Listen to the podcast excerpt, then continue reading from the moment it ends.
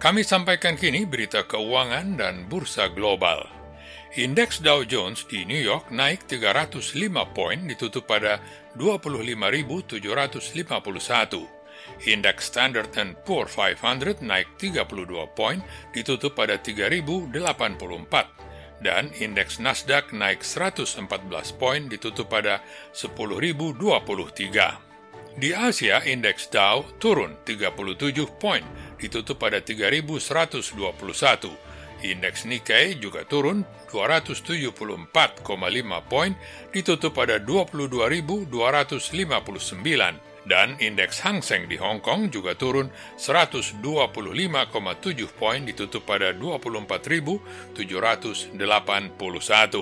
Di London, indeks Financial Times naik 23 poin, ditutup pada 6.147. Indeks DAX di Jerman juga naik 83,9 poin, ditutup pada 12.177. Dan indeks CAC di Paris naik 47 poin, ditutup pada 4.918. Harga minyak mentah Brent naik 1 dolar 8 sen, ditutup pada 41 dolar per barrel harga emas turun 3 dolar ditutup pada 1.772 dolar per troy ounce dan harga tembaga naik 2 sen ditutup pada 2 dolar 68 sen per pon. Harga coklat naik 80 dolar ditutup pada 2.386 dolar per ton dan harga kopi turun 2 sen ditutup pada 95 sen per pon.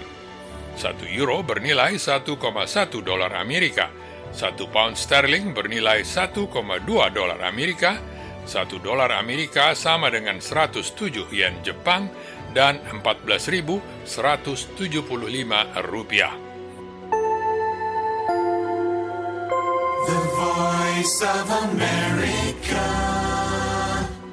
Jumlah pekerja Amerika yang minta tunjangan pengangguran turun minggu lalu, walaupun terjadi perbakan baru virus corona yang mengancam perekonomian Amerika, kata Departemen Tenaga Kerja hari Kamis. Ribuan bisnis Amerika telah buka kembali setelah tutup selama tiga bulan, tapi banyak yang masih terus mem-PHK para pekerjanya. Kini sejumlah perusahaan kembali menutup usaha mereka karena perbakan baru COVID-19 meningkat di tiga negara bagian terbesar Amerika, yaitu California, Texas, dan Florida. Hampir satu setengah juta lagi pekerja yang dirumahkan telah mengajukan permintaan tunjangan pengangguran minggu lalu, tapi angka itu hanya turun sedikit dari satu setengah juta orang yang mendaftar dalam dua minggu sebelumnya. Para pejabat penting perekonomian Amerika kini memperkirakan pemulihan sepenuhnya dari pandemi ini akan makan waktu lebih lama dan mungkin mencapai tahun 2021. Keseluruhannya 47 juta pekerja telah minta tunjangan pengangguran sejak pertengahan Maret. Ini berarti lebih dari seperempat jumlah tenaga kerja yang tercatat, 164,6 juta orang. Tapi jumlah pekerja yang kini mendapat tunjangan pengangguran hanya 19,5 juta orang, karena banyak dari mereka telah kembali bekerja. Karena adanya kenaikan tiba-tiba jumlah orang yang terkena virus corona, sebagian perusahaan yang telah membuka kembali bisnis mereka kini menghentikan operasi. Kasus-kasus virus corona yang baru umumnya terdapat di bagian selatan Amerika yang tadinya tidak terdampak oleh perebakan besar di New York dan sejumlah negara bagian di bagian utara pada bulan Maret dan April.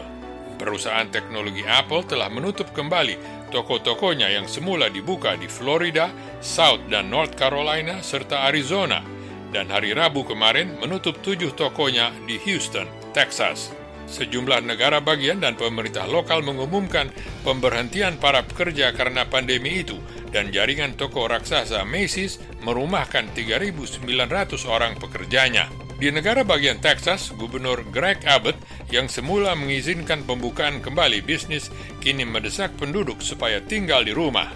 Kalau perubahan virus corona ini tidak bisa dibendung, ia mungkin akan mengenakan pembatasan baru. Sementara itu, Presiden Trump dan Kongres Amerika sedang membahas kemungkinan akan memberikan bantuan tambahan kepada para pekerja. Trump mengatakan minggu ini ia mendukung pemberian bantuan baru walaupun sejumlah anggota Kongres Partai Republik khawatir tentang hutang nasional Amerika yang terus membengkak dan kini tercatat lebih dari 26 triliun dolar. Saya Isa Ismail.